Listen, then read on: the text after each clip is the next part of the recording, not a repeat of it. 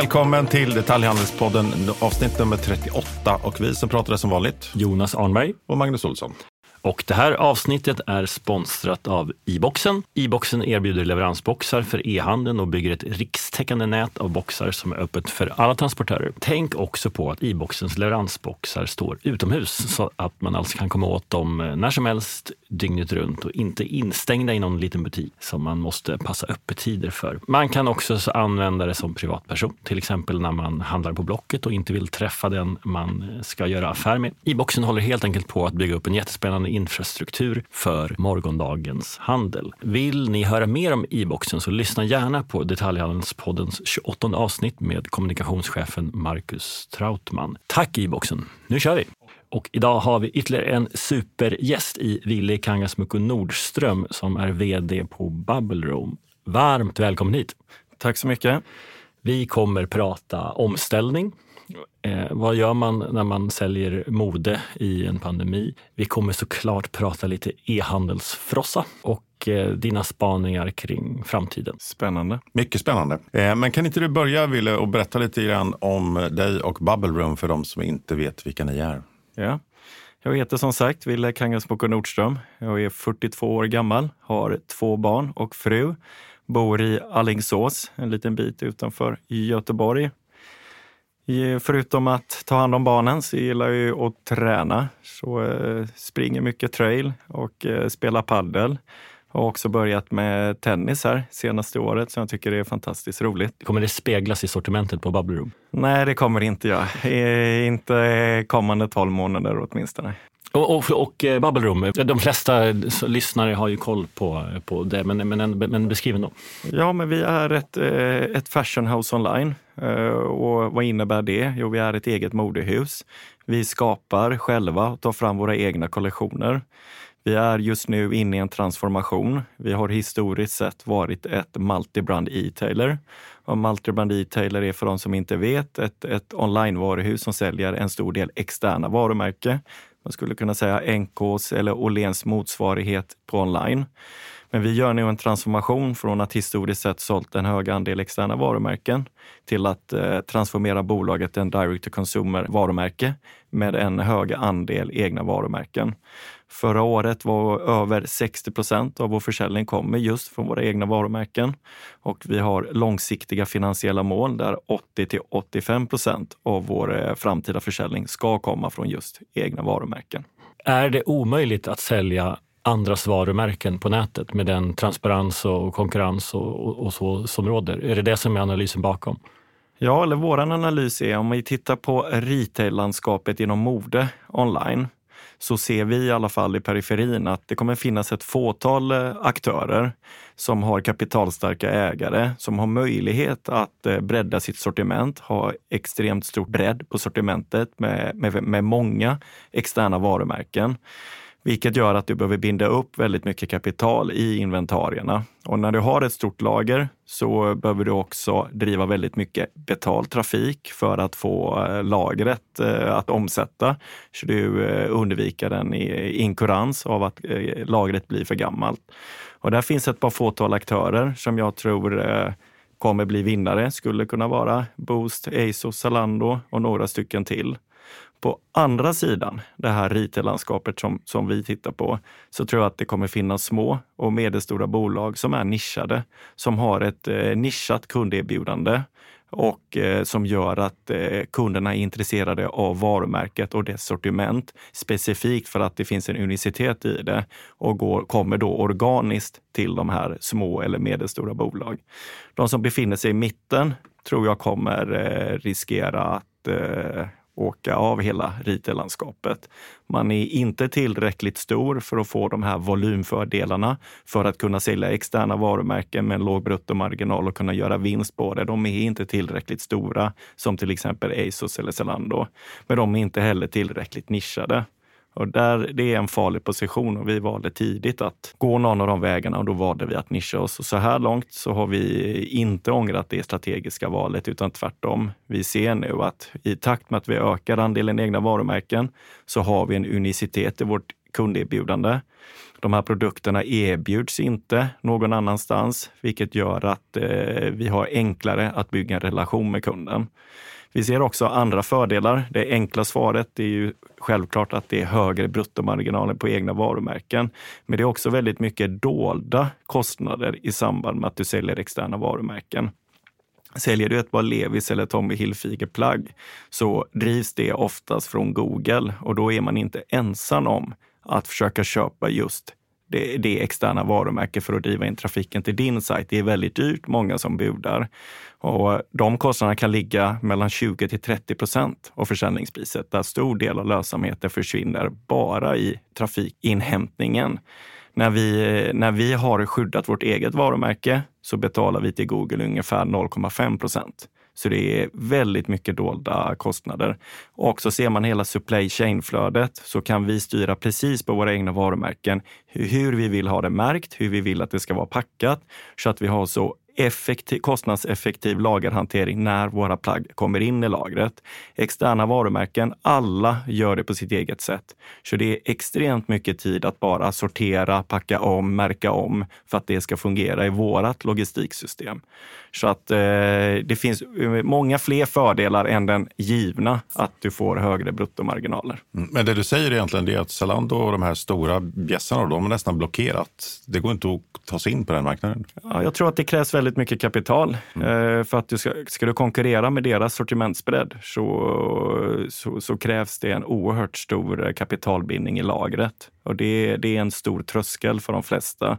Och, och, det är ju första kostnaden. Sen kommer det andra, det är att driva betaltrafik. Mm. Det är fåtal som kommer kunna konkurrera och vi, vi, vi valde då att nischa oss och bli en små och förhoppningsvis ett medelstort bolag. V väldigt spännande intro. Alltså, man har ju hur många följdfrågor som helst på det här. Betyder det, alltså vi får färre och större jättar, alltså någon form av Amazon-effekt eller Zalando, Boost, och så får, får vi se vilka det blir så att säga. De kommer slåss där och lägga en ganska stor del av sin omsättning på marknadsföring och köpa Google-ord och så där. Och din strategi nu Betyder det att du lägger mindre pengar på marknadsföring? Eh, ja, men det kan man säga. Vi har redan en hög andel organisk trafik. De försäljningssiffror som vi, eller de siffror som vi visade i vår prospekt i samband med vår eh, börsnotering här i höstas förra året visar på att nästan ungefär 60 procent av vår försäljning idag kommer från organisk trafik och det är en, en hög andel. Det är självklart att vårt mål är att öka den andelen. Vi ser att betald trafik är ett bra tillväxt kanal, men framför allt för nykundsrekrytering för att hitta nya kunder. Men vi vill ogärna köpa tillbaka våra existerande kunder gång på gång via betalda kanaler, utan där eh, vill vi bli duktigare på att nå kunden via, via våra organiska kanaler. Och då pratar jag inte enbart om e-mail, vilket de flesta tänker på, utan idag med digital marknadsföring så kan vi jobba med CRM i alla kanaler och se till så att eh, vi får eh, en relation och en dialog som gör att kunden kommer tillbaka. Men ytterst gäller det ju att vi har bra produkter så att kunden är nöjd med produkten. Det är en nyckelfaktor i det hela. Sen kan vi alltid spetsa vårt kunderbjudanden genom att bli bättre på att slipa på kundupplevelsen i alla delar. Och med den strategin jag har valt nu så handlar det också om att, att få upp Bubble Room på agendan som ett som, som varumärke för så är destinationen för den, den typ av plagg ni, ni säljer. Så är det. Tidigare har vi ju levt på den fina renommén som våra externa varumärken har byggt upp över lång tid, som Levis och Tommy Hilfiger och många andra fina externa varumärken. Nu är vår resa det är att bygga ett starkt varumärke på Bubble Room där vi, där vi kan leva på vårt eget renommé och där har vi kommit en bra bit på vägen. Vi, vi ser att vi växer på våra egna varumärken och bolaget har haft en tillväxt både innan pandemin och efter pandemin. Så att eh, vi får fortsätta det arbetet. Det låter som en jätteklok strategi. Jag menar inte att eh, kritisera mm. det nu, men, men kan du inte bara beskriva? Det måste ju finnas vissa varumärken som är, som är väldigt härliga att ha, eh, som man kan vara beredd att nästan göra en förlustaffär på för att, för att eh, få trafiken, eh, för att det konverterar andra produkter. Eller? Ja, men instämmer helt. Eh, och det är därför vi har lagt på våra långsiktiga finansiella mål på 3 till 5 års sikt att ungefär 80 till 85 procent ska komma från egna varumärken. Och det är just för att vi har identifierat ett antal externa varumärken som kompletterar vårt kunderbjudande som är viktiga eh, varumärken eller nyckelprodukter för oss i vårt totala kunderbjudande. Så att eh, jag vill inte låsa in mig på en 100 procent, men vi ser att eh, vi ska öka den andelen markant från, från dagens nivåer. Apropå omställning då, du pratar om att ni är på väg i en, en, transformation, men ni har ju transformerats flera gånger. Och jag tänker på den situation som ni befann er i när pandemin slog till. Det är lite tjatigt att prata om pandemin, men, men ni hamnade i en väldigt speciell situation som just sålde festklänningar. Eh, och jag vet, vi hade ju lite kontakt där i inledningen. Det var svettiga veckor där i början, eller hur? det var väldigt svettiga veckor. Vi drabbades oerhört hårt under pandemin och man kan väl säga att e-handeln har i mångt och mycket gynnats av klimatet som råder under en pandemi där, man, där det är lockdown och man är mycket hemma och man vill undvika fysisk handel. Men det förutsätter att du har rätt produktkategori i ditt e-handelserbjudande. Vi var då, på den tiden, väldigt stora inom festklänningar. Och när festerna lades på paus eh, runt om i världen så, så spelade inte försäljningskanalen var inte lika viktig, utan den försäljningen förlorade vi mer eller mindre över dagen. Och hur stor andel ungefär var, var festklänningar? Ja, men det var nästan 70 procent av vår totala omsättning och vi, vi vi såg att eh, 2020 började precis som vilket år som helst. Mellan 2015 och 2020 har vi haft en årlig tillväxt i snitt på 37 procent årligen. Fram till första veckan i mars i samband med första presskonferensen så låg vår tillväxttal på ungefär 40 procent. Så att året började precis som de fem föregående år och vi såg att ja, den här tillväxten resa, eh, den tillväxtresan fortsätter här. Vi hade omsatt 2019 430 miljoner och vi hade som mål att fortsatt öka med 37-40 procent, vilket innebär att vi siktade på 550 miljoner. Och fram till första veckan i mars som sagt så taktade vi också 550 miljoner. Och helt plötsligt i samband med första konferensen så var det ett snabbt händelseförlopp där eh, försäljningen första veckorna eh, gick till plus minus noll, vilket jag inte hade varit med om under mina fem år, för att tredje veckan ligga på minus 40, minus 50 procent. Och då var, då var alla studentklänningar på väg in? Då var alla studentklänningar på väg in, alla tärnklänningar var på väg in, alla bröllopsklänningar var på väg in alla bröllopsgästklänningar var på väg in. Eh, och det som sålde bra under pandemin, vardagskläder och framförallt eh, loungekläder när folk ska vara hemma, eh, det fanns inte i vårt sortiment. Och det var ju väldigt tufft eh, för min egen del. Och Tuffaste var ju såklart att vi var tvungna att varsla. Från att när jag blev vd så hade vi ungefär 20 anställda tjänstemän på kontoret. Och när pandemin kom så var vi ungefär 80. Och det här är ju duktiga medarbetare som, eh, som, som någonstans har köpt mina visioner och min, mitt mål vart vi ska ta det här bolaget och de hade committat sig till den resan. Så det var självklart oerhört tufft att behöva göra en varsel på människor som, som hade committat sig så. Mm. Men, men eh, ni gjorde ju ett antal saker. Eh, det spelade ingen roll hur duktig man var på eh, SEO och SEM när det gäller festklänningar, eh, när inte marknaden fanns.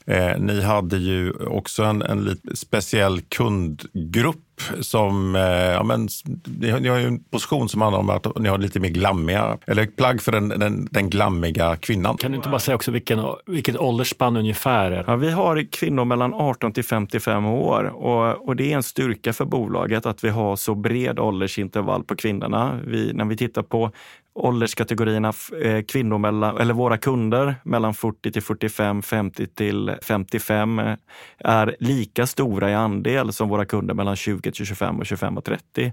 Så vi är oerhört starka på och det är just för att vi jobbar inte med de senaste trenderna.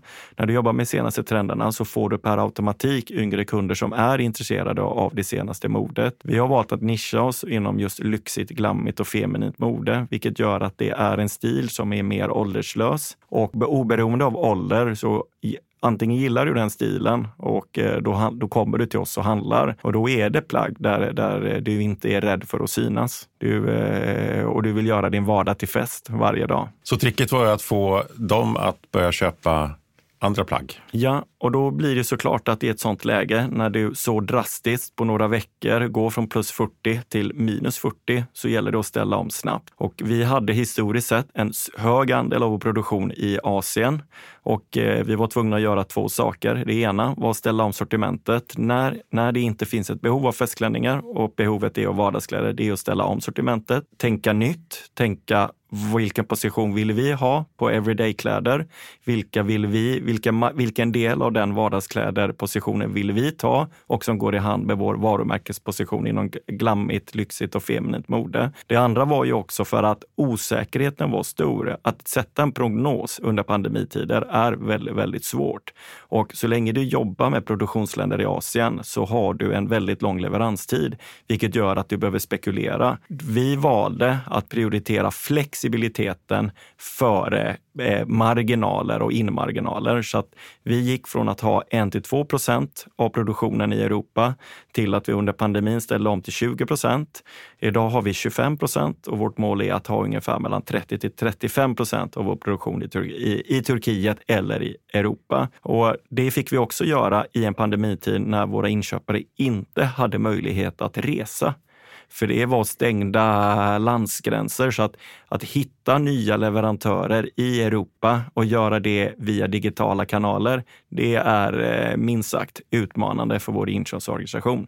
Men de har ju varit fantastiska och de har ju såklart var, jobbat i andra företag så de hade kontakter sen innan så att de var oerhört snabba på att ställa om. Men vad betyder det för ledarskapet då? För att det gick ifrån, alltså det var ju inte bara så här lite lagom pandemikrisigt eh, och lite jobbigt att få folk att jobba hemifrån och så vidare i början där, utan det var ju verkligen överlevnadsfråga. Vad, vad, hur, hur tänkte du då? Nej, men vi, vi valde tidigt att eh, jobba väldigt mycket med kommunikationen. Eh, vi hade hela tiden varje vecka och i början av pandemin en, en dagplanering eh, kring kommunikationen. Vad är det vi viktar på? Vad är det vi trycker på? Vad är det för budskap vi vill ha eh, sagt till vår eh, personal? Sen tror jag också att vi har en, en ledarstil hos oss som är väldigt personlig och transparent. Så vi försökte inte gömma, vi försökte heller inte förfina saker, utan vi pratade om vår tillvaro i bolaget där vi stod där och då, precis som det var, utan att förfina det. Så att tydlig kommunikation har varit en, eh, en viktig faktor i det här.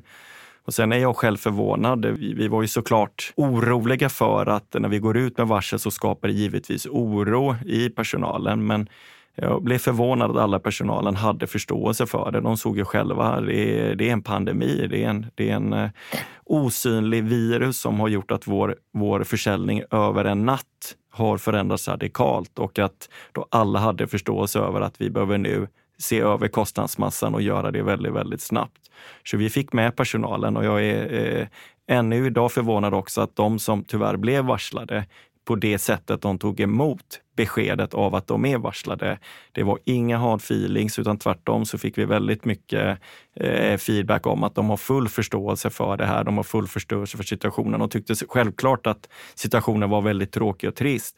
Men det var aldrig någon eh, agg mot arbetsgivaren. Mm. Och eh, vårt mål var ju att eh, nu ska vi vända det här och så fort vi har vänt det här, vårt, vårt största mål, det var ju inte att eh, vända tillbaka bolaget. Det var ju att kunna rekrytera tillbaka de här människorna. Och jag skulle nog gissa på, om jag får höfta lite här, så har vi återanställt 20 av de här 30 eh, tillbaka till bolaget. Och eh, alla har varit intresserade att komma tillbaka.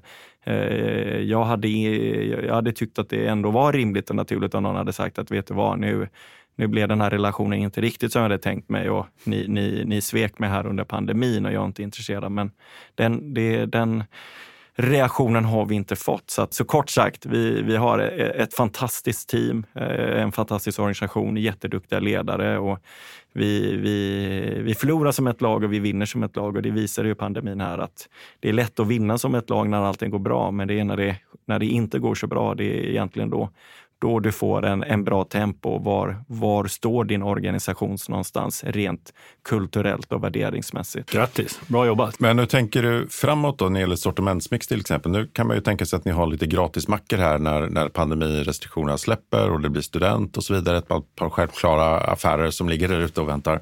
Men, men hur tänker du med risk och, och framåt? För att nu har du provat eh, hur det är att gå in i pandemi med att vara, ha 70 procent av försäljningen i festkläder. Det första vi, vi har lärt oss efter pandemin, det är hur skalbar e-handeln är. Att hur snabbt vi kunde. Det tog två månader för oss och då var vi återigen lönsamma. På två månader kunde vi ställa om eh, hela bolaget till att vara lönsam på betydligt lägre försäljningsnivåer än vad vi var vana vid. Och eh, vi stod inte fast med strukturella fasta kostnader i form av hyror och så vidare, vidare, utan där, där har vi verkligen e-handel visat på prov hur, hur elastisk eller skalbar affärsmodellen är. Kan du inte bara berätta lite mer om det innan du går vidare på Magnus fråga? Alltså att, för, för, du stod ändå där med ett lager som inte var sålt. Och reade du ut det eller behöll det? Hur, vad, hur gick det till? Ja, men det, och det är vi också oroliga för. Vi tog extremt stora inkuransreservationer för att den här eh, stora lagret riskerar att bli gammalt och osäljbart där vi behöver ta stora reduktionskostnader på sikt. Vad vi lärde oss sen 2021, att eh, Eh, 2021 så sålde vi av hela den här och det är också en av styrkorna i bolaget. Vi jobbar inte med de senaste trenderna. Och det gör att våra, vårt sortiment håller längre över tid. Och det har vi sagt här under eh, investerarträffarna och under pandemin så, så fick vi kvitto på det. Att det är ytterligare en fördel vi har av att inte stirra oss, stirra oss blint på de senaste trenderna eller vad Kardashians hade på sig igår, utan vi har våra nisch och vi håller oss till den och vi vet vad våra kunder uppskattar. Och eh, sen gör vi givetvis varje säsong förfiningar och justeringar och utveckling av det, men vi följer inte slaviskt de senaste trenderna. Så att eh, vi kunde till slut lösa upp och vi har inget gammalt lager kvar från våren 2020. Eh, Otroligt. Okej, okay, men vad hände nu? Ny, ny sortimentsmix eller vad, vad, vad blev Ja, att det blev ju så. Vi valde att, att satsa på vardagskläder och eh, idag så eh, har vi en helt annan omfördelning. Vi, vi kommer inte vilja tappa vår position inom fest. Eh, vi vill vara bäst på fest och då pratar jag mer om den här occasion-delarna. Occasion det vill säga inte kanske den här yngre festkläderna till clubbing, utan vi håller oss till bröllop, tärnor, studenten, men framför allt bröllopsgästklänningar, det vill säga när du som kvinna ska gå på lite finare fest så vill du ha en lite finare klänning och det är den positionen vill vi vara bäst på. Idag har vi också vardagskläder och det som är viktigt för oss att omallokera sortimentmixet det är att vi ser att på vardagskläder nu när vi har investerat i, i det under två års tid, det är att vi ökar frekvensen av handlande kunder. En, en kvinna har behov av en finare festklänning kanske en till max fyra gånger om året. Eh, den som har tur och blir bjuden på fyra finare fester, men oftast en eller två. Det är väldigt behovsstyrt. Men Eh, när vi nu har en större andel vardagskläder så ser vi det att kunden har en, en, eh, ett högre behov av den typen av kläder oftare, vilket gör att vi ökar frekvensen av våra handlande och våra aktiva kunder, vilket såklart hjälper oss med vår tillväxtresa just nu. Och hur ser, hur ser marknadsföringen ut efteråt? För att ni hade ju också en väldigt stark tillväxtagenda där det bara handlade om att skapa tillväxt innan pandemin. Så ni investerade ju väldigt tungt. Vad är erfarenheten av det? Eh, vad har ni lärt er av att dra ner och sen kanske öka igen? Ja, men det vi har lärt oss framför allt att vi blev ju tvungna att eh, minska, eh, stänga, eh, stänga av kranen till Google på betald trafik som är den här kortsiktiga transaktionsbaserade marknadsföringen. Och med tanke på vår starka tillväxt under de här åren så är det i alla fall någonting jag inte hade vågat att prova om inte pandemin hade kommit. Men här hade vi inget val. Vi var tvungna att ställa om kostnadsmässigt och det vi har lärt oss är att vi för de här sista 20 procenten av försäljningen till Google så har vi betalat extremt mycket så vi ligger på betydligt bättre nivåer idag utan att vi märker att vi tappar försäljningen, utan den, det är en del av den betalda trafiken när du, när du när du driver oerhört hårt och aggressivt på, på Google, på den betalda trafiken, så är det en kannibalisation av din organiska trafik. Så att eh, vi, vi har lärt oss att, att det är väldigt dyrt när du vill hämta de där extra 10-20 procenten.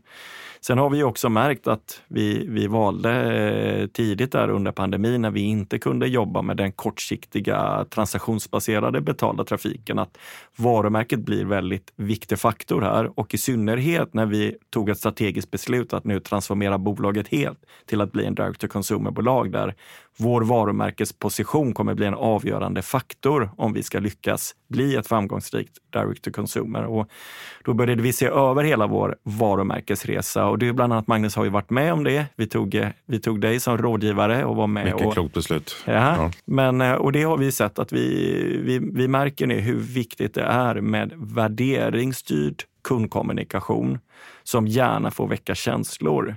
Och eh, när vi har då börjat jobba utifrån att okej, okay, hur gör vi vår kundkommunikation mer värderingsstyrd? Vilka värderingar är det vi tar strid för och vi vill, varför går vår personal till jobbet varje morgon? Och också att vi vågar sticka ut hakan och gärna göra kampanjer som, som, som eh, gärna får väcka våra kunders känslor och gärna framför allt nya kunders känslor så att vi får in även nya kunder. Och det tror jag eh, kommer vi se mycket mer av, inte bara från vår sida, utan det här ser vi nu från konkurrenter också, hur viktigt det har blivit med, med att bolaget eh, visar vilka värderingar de har. Exakt, men det kräver ju också att man har väldigt tydliga värderingar och att man har ja. en väldigt tydlig position. Då, då, och det, det var ju ni duktiga på att bygga från början, även om ni inte hade kommunicerat det. I den nya strategin, eh, hur kan en butik hjälpa dig då? Jag var ju inne i när Christian Resell var vd på Bubble Room och öppnade upp den första butiken i Skärholmen var jag på invigningen som var den var ju fantastisk. Och man hade skärmar som, precis som på, ur en digital logik så visade man en klänning på, på skärm och, eh, och då var det det som också lyckades sälja i butik. Så man var ganska bra på att man tog tanken var ju att ta med liksom, Eh, digital logik in i butik. Men också att kunna erbjuda eh, det som man inte kan göra på nätet, alltså stora provrumsservice och klämma och känna och sånt där. Ehm, eh, nu har ni ingen butik kvar. Ja, men det stämmer. Eh, när jag kom 2015 så eh, vi tog rätt, eh, relativt snabbt ett, ett, ett, beslut om att stänga samtliga fem fysiska butiker som vi hade på den tiden. Eh, och vi har inte haft några butiker sedan, eh, är det 2016 eller kanske, kanske rent av att vi stängde sista butiken 2017. Så sen dess har vi varit en renodlad e-handlare. Men är det, för, vi har, för nyligen hade vi podden både Nick Steiger som var med om Serveras omställning och även Rickard Lyko som ju både Servera och Lyko har ju butiker. Och så, såklart att de argumenterar för det. Mm. Men, men, men, det finns fördelar i till exempel att lansera nya produkter, tycker Lyko bland annat. Och även Chiquelle var ute i veckan här i, i media och pratade om hur deras erfarenhet av butiken i Mall of Scandinavia har lett till att beslut om att fatta, öppna fler butiker. Ja. Mm. Och, och Servera tog exemplet den som är i Stockholm på Kungsgatan, Sveavägen, som har ett otroligt flöde. Att, den, att köpa den liksom med någon bannerlogik eller på olika sätt kan det vara så att ni är sena på bollen? Eh, nej, men jag menar så, så, att butiken, om den bara snurrar, den kan till och med gå minus. Mm. Så det, om jag ser det ur ett helhetsperspektiv så kan det ändå vara bra för mig. Men nu går ju den butiken dessutom väldigt bra. Eh, men, men så, här, eh, så, så, det blev en lång fråga, men poängen är egentligen när då marknadsföringskostnaderna som du konstaterar går upp på nätet, kan det finnas argument, med fler argument än det då, att, att driva butik? Nej, men då ska jag förtydliga att, eh, att vi stängde fem fysiska butiker 2016 handlade egentligen inte om att vi inte tror på om, omnikanalkonceptet och se, möta kunden där kunden befinner sig, utan här var det ren och skär prioriteringsfråga där bolaget stod just då eh, och den resan vi skulle göra och fokusera på och bolagets totala finansiella ställning. Så att det, det var, handlade mer om prioritering än om eh, att vi inte ser ett, eh, e, e, en, en fördel av att också komplettera säljkanaler med fysiska butiker. Sen ser man den här resan vi har haft nu så har vi ju haft en jättestark tillväxt både innan pandemin och nu efter pandemin. Och vi har då valt att fokusera på den fina momentum vi har varit på och, och se till att ta vara på de möjligheter som blir när bolaget växer. Så vi har inte haft tid eller, eller möjlighet till, till att prioritera även att starta upp fysiska butiker. Nu är bolaget i en helt annat skede. I samband med noteringen så gjorde vi en kapitalanskaffning på cirka 150 miljoner. Så nu har vi den här rörelsefriheten som vi inte haft under mina första sex år i bolaget. Så att bolaget idag befinner sig i en helt ny fas. Det vi satsar på här kommande, varför vi tog in så pass mycket pengar, det är framför allt att vi ser en extremt stor möjlighet på den geografiska expansionen. Men eh, ser jag eh, så här på kommande åren så ska vi göra en geografisk expansion. Vi har nu eh, börjat med att, eh, den geografiska expansionen med hjälp av Zalando-plattformen. Nästa steg det blir att följa upp de här länderna i Europa där vi får värdefull data från Zalando, där vi ska öppna egna digitala butiker. Men steget efter det eh, skulle kunna vara att sen följer vi upp med fysiska butiker. Men eh, under kommande ett, två åren så vågar jag säga att vi, vi kommer inte eh, kunna fokusera på att öppna fysiska butiker. Men på lång sikt, vi, vill, vi, vi är inte intresserade av att bli ett, ett stort eh, varumärke i Norden, utan vi vill bli ett, ett, ett globalt eh, moderbolag inom vår nisch. Och där är jag övertygad om att för att vi ska lyckas eh, få ut vår fulla potential av varumärket så kommer det behövas eh, kompletteras med fysiska butiker. Det är ju jättespännande. Mycket spännande. Men kan inte du också ge oss en bild av, av retail i Sverige. Vi, på, på, nätet så har vi konstaterat att du får färre och större av de här effektiva jättarna. Eh, sen har vi de som ni och andra mer nischade. Eh, vad, vad händer i butiks kedje-Sverige. Vi ser ju en, en, eh, liksom en lågprissegment växa också. Liksom lager 157 och budgetkoncept. Eh, sen har vi alla kedjorna. Va, vad händer? Ja, vad som har hänt är att de här kedjorna har ju vaknat till liv de har ju vaknat upp och eh, pandemin har ju tvingat dem att eh, ändra kurs mot eh, mer digital handel. När deras fysiska butiker stängdes eller hade en frånvaro av handlade kunder som ville undvika, undvika trängsel under pandemin.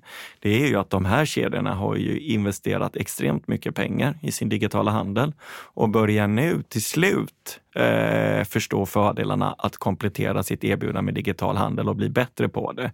Så det är klart att de här eh, kedjorna just nu, eh, flertalet av dem har fina tillväxttal eh, inom sin digitala handel och de får ju också ett starkare kunderbjudande om de har ett lika starkt erbjudande online som i fysisk handel.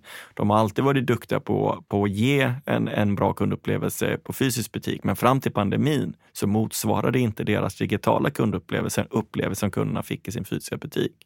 Men nu är vi i ett nytt skede och eh, nu, eh, nu har de som sagt vaknat till liv och, och börjar faktiskt bli duktiga på det.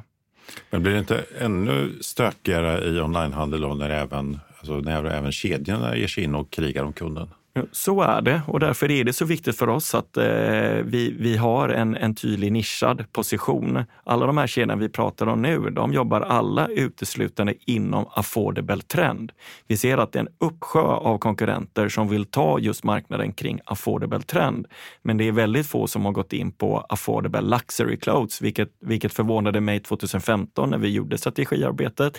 Och förvånar mig än idag att de här stora jättarna inte har valt att konceptualisera kring, kring den positionen.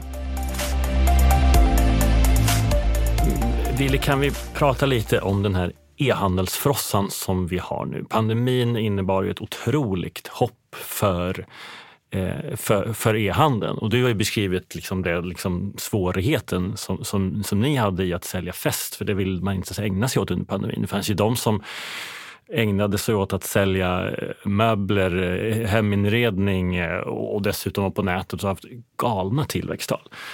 Men generellt kan vi konstatera att e-handeln hoppade ett par år framåt i tiden.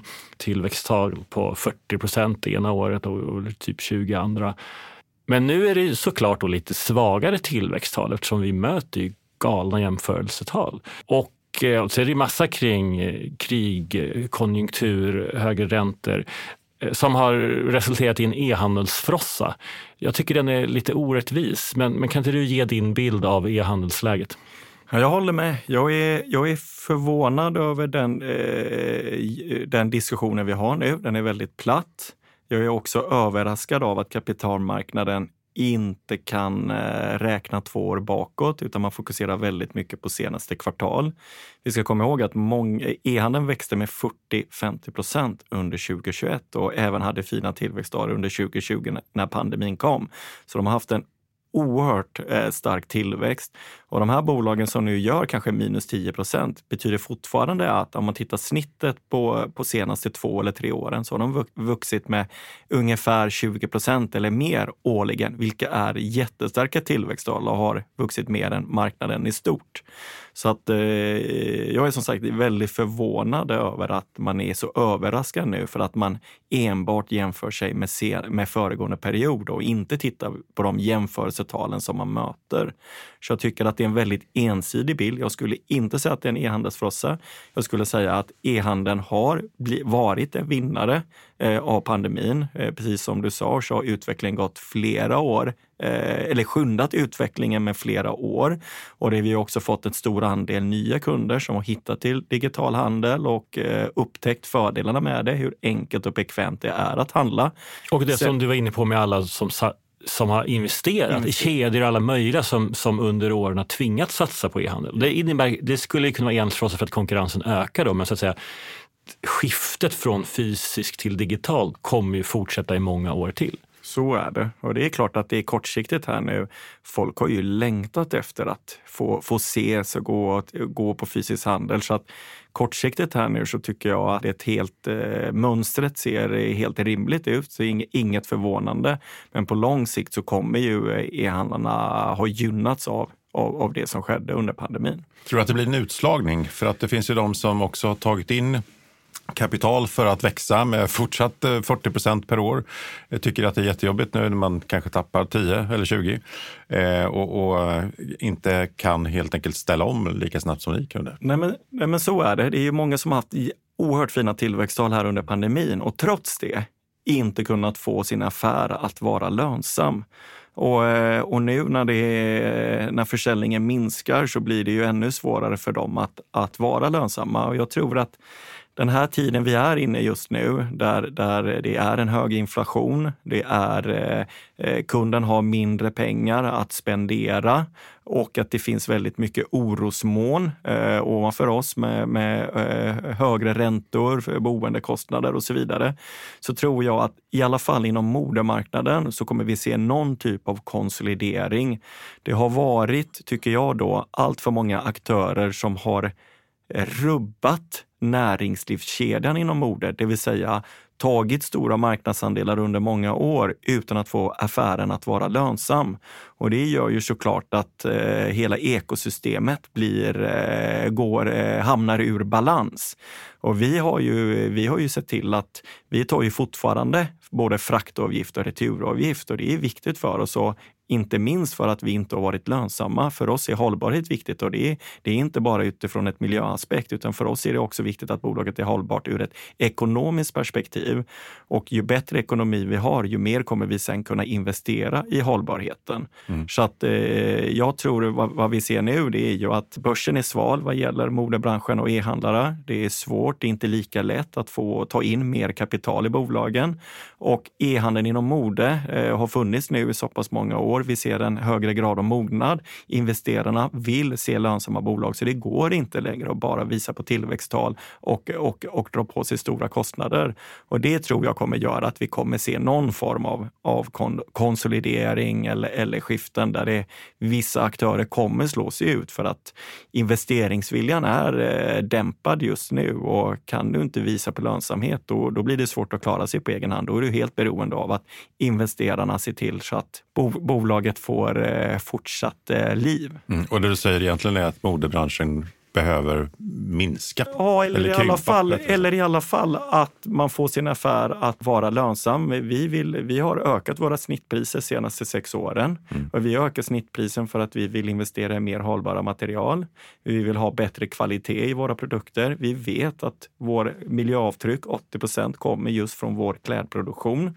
Vi vet att den absolut viktigaste faktorn för oss, det är livslängden på våra produkter. Och det enda sättet för oss är att låta kunden betala mer och att vi kan jobba mer med bättre kvaliteter och få en längre hållbarhet. Men vår inköpsavdelning har ju alltid stoppat de här prisökningarna eller varit emot för att de tittar på konkurrenter och säger, men Ville, det här går ju inte. Titta på konkurrenten, vad deras klänningar kostar och deras byxor.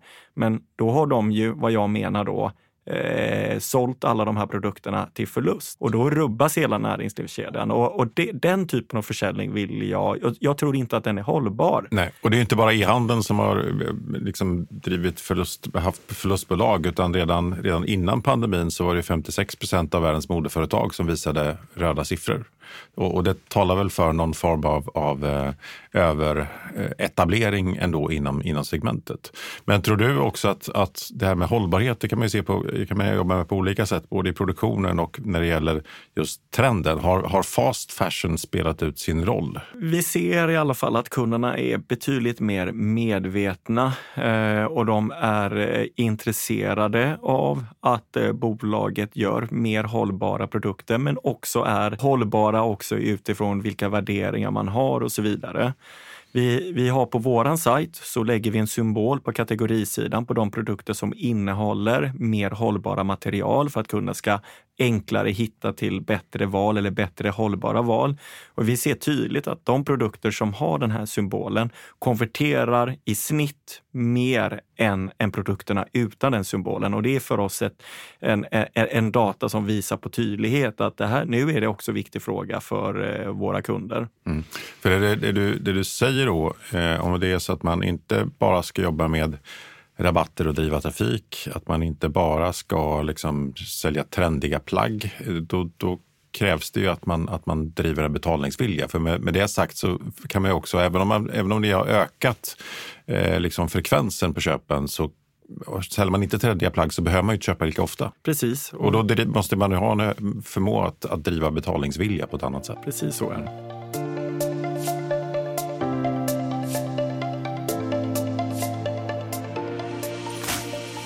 Det här klimatet du beskriver kring eh, eh, vi ska inte kalla det e-handelsfrossar, så det får breaket stå för. Men, men eh, den orimliga kritiken till, eller orimliga förväntningarna på fortsatt extrem tillväxt. Vad, vad, gör, vad gör det med er? För ni är relativt nya på börsen sen i höstas.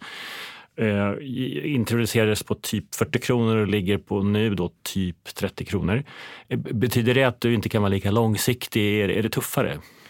Ja, men först behöver jag korrigera. Vi noter, teckningskursen var 36 och nu ligger vi på 30. Eh, vilket innebär en, en eh, vi har gått ner 12 procent sedan årsskiftet eh, i värde. Och tittar vi på snittet på alla börsbolag så har de efter årsskiftet gått ner 22 procent. Så att eh, vi har eh, tappat betydligt eh, mindre än snittet. Så att vi har ju åkt med i den allmänna nedgången av den svalare börsklimatet som råder just nu och allt det som sker i världen. Men tillbaka till din eh, fråga. Nej, vi har hela tiden haft långsiktiga treårsplaner. Eh, jag är inne på mitt sjunde år. Nu har vi tagit fram det tredje treårsplanen för bolaget.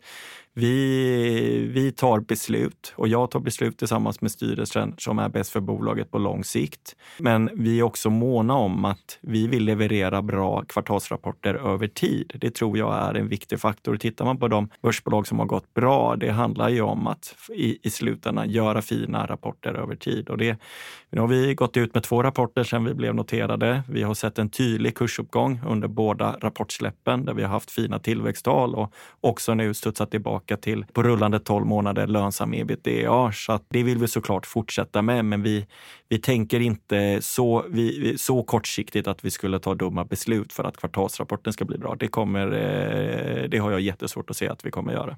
Och för att boosta kursen nu då, nu har vi ändå ett uppdämt behov av att gå på fest och bröllop. Eh, vi fastnade väldigt mycket i pandemin vi är väl ur pandemin. Ja, och, men, och, vad händer nu? Ja, men det ser vi. Vi, vi har en extrem bröllopsboom. Eh, det är två års inställda bröllop och större högtider på någon som har fyllt jämnt som vill ha ett större kalas.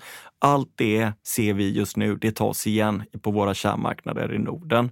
Så det är en extrem, eh, e-, extrem boom och den här boomen tror jag kommer hålla i sig i många år framöver. Eh, för det är inte helt lätt att få tag på en vigseltid, eh, inte ens under 2023 eller få tag på en, en, en ledig festlokal. Det är två års inställda bröllop plus att de som är i den fas i livet nu där man, där man har en partner som man vill gifta sig med. Så det är ju egentligen tre årgångar. Fast det, är, det är ju inte helt riktigt sant mm. eftersom man, men det är i alla fall tre, tre olika årsgenerationer som har ett behov av att, av att gifta sig eller ställa till med kalas. Så, eh, så det ser vi. Samtidigt så eh, ser vi ju att vi växer på vår vardagskläder för varje säsong. Vi blir bara bättre och skjuter mer skarpt i, i vår sortimentsutveckling. Så att eh, vi är ju inte längre beroende av just festklänningar, utan vi har en helt annan eh, riskspridning i vårt produkterbjudande idag. Det låter som att de där som du vill anställa snart är tillbaka då? Precis. Med, som jag sa, 20 av de här 30 är redan tillbaka. Och, eh, så vi ser här att under kommande 12 månader kommer vi att rekrytera mellan 10 till 15 personer. Och fler egna varumärken driver också mer interna resurser. Så. Ja, så att det är ju nackdelen med egna varumärken, att det är ju betydligt mer resurskrävande mm. i produktframtagningen kontra att köpa externt. Men Eh, vi ser det i långa loppet, just för uniciteten och högre bruttomarginaler och alla andra dolda kostnader så, så tror vi på att det är helt rätt väg för oss att gå. Ville, vi, eh, det finns fördelar med e-handel, det finns nackdelar med e-handel, men vi tror ju ändå någonstans på att e-handeln kommer att vara stark även framåt. Du har pratat om en del eh, spaningar som du har och insatser som ni räknar med att göra. Vi, vi ser hur e-handlare öppnar butiker, vi ser hur e-handlare bygger varumärken. Du pratar om konsolidering. Hur tror du att världen ser ut om fem år i e-handeln? Ja, bra fråga. Jag har, det, det, marknaden eller vår bransch och omvärlden utvecklas i så snabb takt idag så att det är helt omöjligt för mig att ens göra en vild gissning på hur, eh, hur världen ser ut. Och tre år är lite enklare, men det är också oerhört svårt. Men jag tror ju på, eh, jag tror ju på att vi ser många, om vi då tittar på inom branschen mode, eh, så tror jag att det är betydligt högre andel produktion i Europa. Man kommer prioritera flexibilitet. Det kommer man värdesätta högre än, än höga bruttoinmarginaler. Jag skulle inte bli förvånad heller om vi kanske på fem års sikt börjar se en större andel produktion i Sverige. Jag tror att det kommer bli politiska reformer på sikt som gör att eh, fördelarna av att ha sin produktion i Asien kommer minska i kombination att du värdesätter flexibiliteten mer. Så att eh, vem vet, kanske är Borås en levande textilstad igen om fem år. Det vore ju helt fantastiskt. Kompetensen är ju borta, eh, men då får vi bygga upp den på nytt. Så det är en del som jag ser. Jag, ser, jag tror ju också som, jag, som vi har bettat på att det kommer finnas ett par fåtal starka aktörer, både online och fysiskt, som, som kan jobba med ett stort sortimentsbredd och vara det här varuhuset. Men eh, framförallt framför allt så ser jag att det kommer eh, trenden med, med starka direct to consumer varumärken. Den kommer fortsatt växa, det tror jag. Vi kommer se en, en bättre e-handelsupplevelse. Man pratar ju ofta hur enkelt och bekvämt det är att handla e-handel, men eh, faktum är att den sista eh, leveransdelen är eh, fortfarande en utmaning. Boxarna har gjort livet enklare. Eh, vissa hembud har gjort det, det, köpupplevelsen bättre.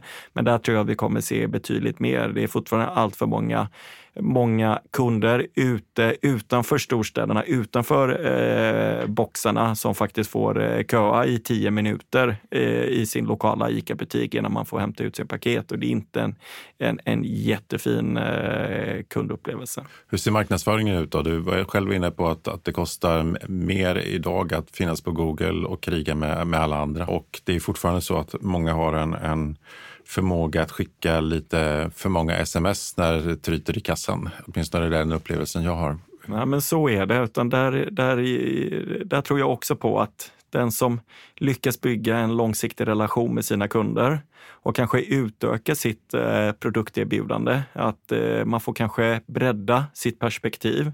Om vi idag är stora inom festklänningar Eh, ska vi på något sätt hjälpa kunden eh, att göra sig fin inför festen eller ska vi samarbeta med andra aktörer? Hur kan vi förenkla tillvaro för kunder? Kan vi addera tjänster eller kan vi addera prenumerationer? Så att någon, eh, branschen kommer utvecklas, eh, men just nu har jag lite svårt att säga exakt hur den kommer se ut. Men förändringar kommer vi se. Och vad tror du blir de viktigaste sakerna för dig och Bubble Room att ta i för att vara relevanta om, om de här tre, fyra, fem åren? Ja, tittar man på kommande tre år så vi har en fantastiskt fin position där vi är. Också att vi har kapitaliserat bolaget så att vi har en rörelsefrihet.